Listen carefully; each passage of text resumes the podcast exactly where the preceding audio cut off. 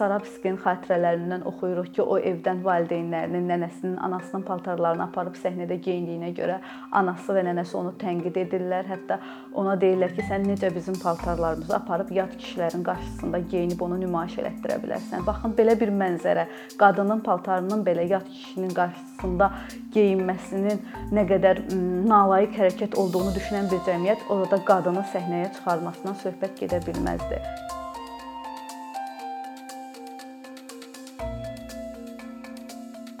19-cu əsrin sonları, 20-ci əsrin əvvəllərində Azərbaycanda teatrın yaranma prosesi baş verdi. Bu prosesdə e, səhnədə kişilərin olmasına cəmiyyət tərəfindən çox da xoş qarşılanmırdı e, və belə bir e, mənzərədə qadınların səhnəyə çıxmasından ümumiyyətlə söhbət gedə bilməzdi. Hətta onların tamaşaya baxmasından belə söhbət gedə bilməzdi. Hətta kişilər qadın rollarını ifa etdikləri vaxt belə onlar təqiblərə məruz qalırdılar biz Sarabskin xatirələrindən oxuyuruq ki, o evdən valideynlərinin, nənəsinin, anasının paltarlarını aparıb səhnədə geyindiyinə görə anası və nənəsi onu tənqid edirlər. Hətta ona deyirlər ki, sən necə bizim paltarlarımızı aparıb yad kişilərin qarşısında geyinib onu nümayiş elətdirə bilərsən. Baxın, belə bir mənzərə, qadının paltarının belə yad kişinin qarşısında geyinməsinin nə qədər nalayiq hərəkət olduğunu düşünən bir cəmiyyət orada qadını səhnəyə çıxarmasından söhbət gedə bilməzdi. Bəzən olurdu ki, qadın rollarını oynayan kişilərə səhnədə elçi düşürdü. Onlara pul verib həmin aktrisanı almaq istəyəndə məlum olurdu ki, bunlar qadın deyil, kişidirlər. Bəzən isə olurdu ki, səhnədə həmin o aktrisanı vurmaq istəyirdilər, tapancanı çıxarıb. Bu da bizim aktyorların başına gəlib, Yunus Nərmanovun başına gəlib bu hadisə və həmin anda tamaşa dayandırılıb və onlara izah eləyiblər ki, bu qadın deyil, bu kişidir. Onlar deyirlər ki, siz necə müsəlman qadınlarını səhnəyə çıxara bilərsiniz? Belə bir mühitdə, yəni hələ də qadınlar səhnəyə çıxmırdılar. Amma çox qəribə bir hadisə baş verir. Qadınların hələ səhnəyə çıxmadığı vaxtda bizim qız uşaqlarımız artıq teatrın nə olduğunu yavaş-yavaş öyrənməyə başlayırlar. Bu da e, təbii ki, Zeynalabdin Tağıyevin adı ilə bağlıdır. Çünki o 1901-ci ildə qız məktəbini, müsəlman türk məktəbini açdıqdan sonra Orada onların öz məktəblərində Səkinə Axundzadə tərəfindən tamaşalar hazırlanırdı ki, Səkinə Axundzadə də Azərbaycanın ilk qadın dramaturqudur və onların Sara Tağıyevanın kitabında o həmin o qız məktəbinin şagirdləri ilə müsahibələr aparır. O müsahibələr zamanı həmin o qızlar etiraf edirlər ki, biz həmin məktəbdə oxuduğumuz vaxt Tağıyev teatrına tamaşalara gedirdik, Tağıyevin evinə gedirdik və bu zaman biz çadrasız gedirdik həmin o teatrlara. Kim ki ailəsindən qorxurdu, onlar həmin o görüşlərə getmirdilər. Və hətta onlar qeyd edirlər ki, biz o tamaşalara baxandan sonra məktəbdə həmin o baş obrazlara haqqında onların təhlil edirdik. Onlar öz məktəblərində qapalı şəkildə olsa da tamaşalar hazırlayırdılar. Bu hansı ki, elmin səmərəsi və digər əsərləri özləri səhnələşdirirdilər. Tağıyevin özü də gedib baxıb tamaşa eləyirdi həmin səhnələrə. Belə bir vəziyyətdə, yəni qadınlar hələ səhnəyə çıxmamışdan bizim qız uşaqlarımız artıq teatrla tanış idilər.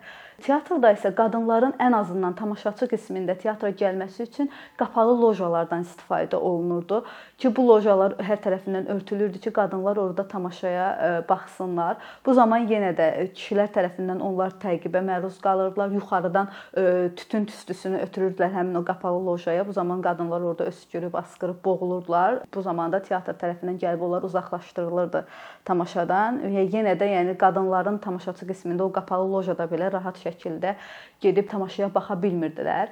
Qapalı lojaların tarixini bəzi alimlər 1906-1904 deyirlər, amma məsələn e, bir məqaləyə mən rastladım. 1896-cı ildə olub bu məqalə yazılıb Dmitri Qaranin tərəfindən Novaya Vremya qəzetində dərc olunub və orada e, belə bir şeyə diqqət yetirir ki, e, tənqidçi necə olur ki, müsəlmanda ilk qız məktəbini açan bir nəfər burada teatrda qapalı loja öz ailəsi üçün yaradıb ki, orada ailəsi gəlib vaxtını xoş keçirsin və onların onların açıq üzlərini bir kənar şəxs belə görməsin. Yəni burada əslində onu Tağıyevi tənqid edir ki, sən qadınların, qızların təhsili üçün məktəb açırsan, bir yerdən də qadınları qapalı lojanın içərisində saxlayırsan ki, başqaları onları görməsin. Amma təbii ki, bunun bizim ölkə tərəfindən də e, hələ ki başqa addımlar atmağa, yəni e, cəsarət çatmırdı insanlarda. Çünki həqiqətən də böyük təqiblər var idi və elə e, bu zamanlarda artıq Azərbaycanda olmasa da Tiflisdə Azərbaycan teatr truppalarında bizim Azərbaycan müsəlman qadınlarımız e, səhnəyə çıxmağa başlayırdılar ki, bunlardan biri də Gövhər Qaziyevadır. Hansı ki, o Azərbaycanın ilk aktrisası hesab olunur. Gövhər Qaziyeva yəni Tiflisdə Azərbaycan truppasında Azərbaycan drama əsərləri və digər əsərlərdə ifa eləyib. Sonradan Azərbaycan teatrı ora qastrol'a gedəndə o Mirzağa Əliyevlə tanış olub və onlar 12-ci ildə evlənib artıq e, Gövhər Qaziyeva Bakıya köçüb. Amma çox qəribə bir hal baş verir ki, evlənəndən sonra Mirzağa Əliyev hansı ki bu teatrda qadınların bu teatra gəlməsi üçün, qadınların savadlanması üçün mübarizə aparan bir insan öz həyat yoldaşını aktrisa kimi fəaliyyət göstərməyə artıq icazə vermir. Bir məsələ, yəni bir tərəfdən bir şayiə deyək ki, budur ki, Mirzağa Əliyev icazə verməyib, digər tərəfdən də onsuz da 12-ci ildə onlar evlənəndən sonra Mirzağa Əliyev sürgün olunur. Sürgündən sonra 1913-cü ildə e, Gövhər Qaziyeva da e, çıxıb gedir Azərbaycandan və e, yəni artıq peşəsini dəyişir. Yəni ona görə yəni Cəfər Qaziyevanın e, Azərbaycan teatrında çox da fəaliyyəti olmur. Tiflis teatrında, Tiflis Azərbaycan truppasında olsa da Azərbaycan səhnəsində çox da fəaliyyət göstərmir. Amma bu zamanda artıq Şövkət Məmmədovadan danışa bilərik, Fatma Muxtarovadan danışa bilərik, Mərziyə Davudovadan danışa bilərik, hansı ki, onlar Azərbaycanın ilk qadınlarıdır. Belə bir vəziyyətdə, belə bir situasiyada onlar bu e, qorxunu yenib səhnəyə çıxmış insanlardır ki, onlardan Şövkət Məmmədova 11-ci ildə onun e, benefisi keçirilir ki, onun e, həmin o benefisdə toplanan pulla Şövkət Məmmədova gedir oxumağa Milanda, təhsilini daha doğrusu davam elətdirməyə. Fatma Muxtarova da Saratova gedir 12-ci ildə təhsilini davam elətdirməyə. Onların Azərbaycana qayıtmağı artıq Sovet dövrünə düşür, 1920-ci ildən sonraya düşür.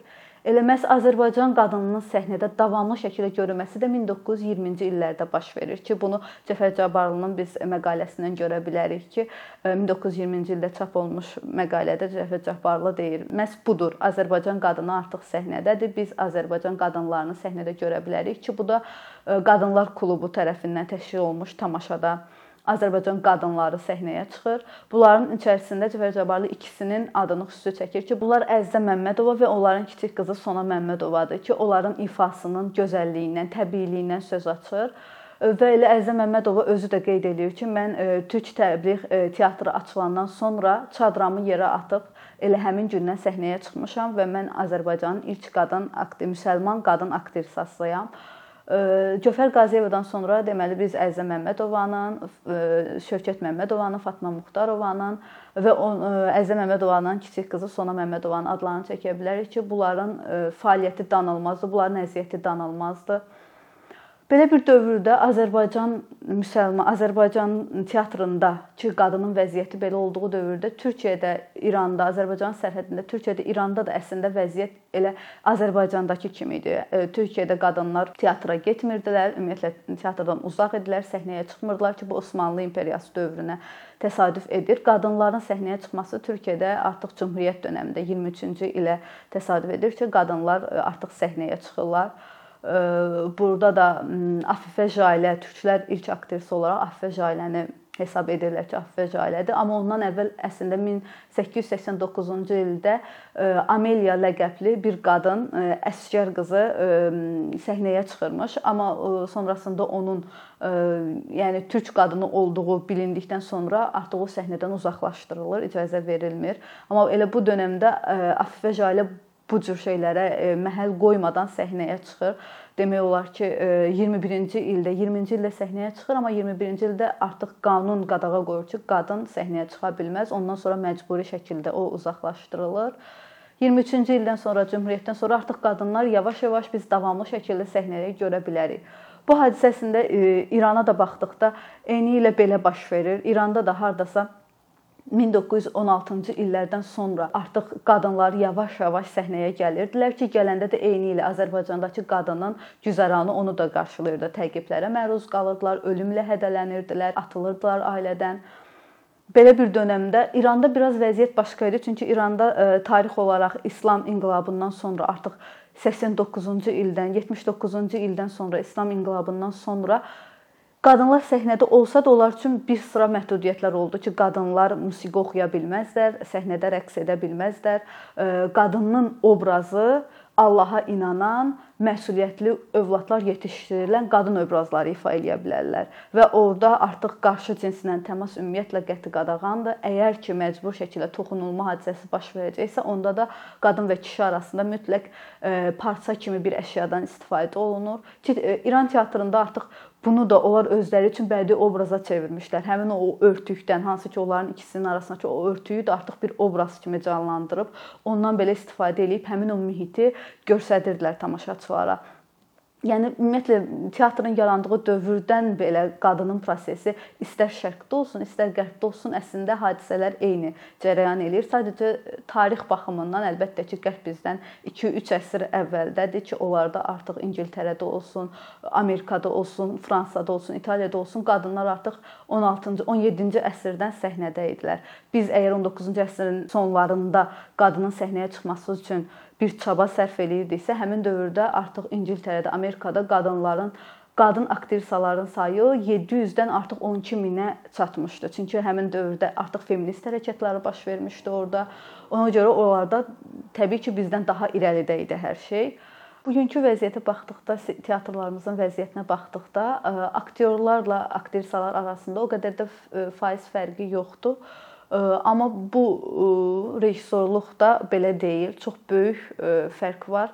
Azərbaycanda ümumiyyətlə rejissor sənətində qadınların gəlməsi 1952-ci ilə təsadüf eləyir ki, Ulduz Rəfili ilk aktor qadın rejissorumuzdur.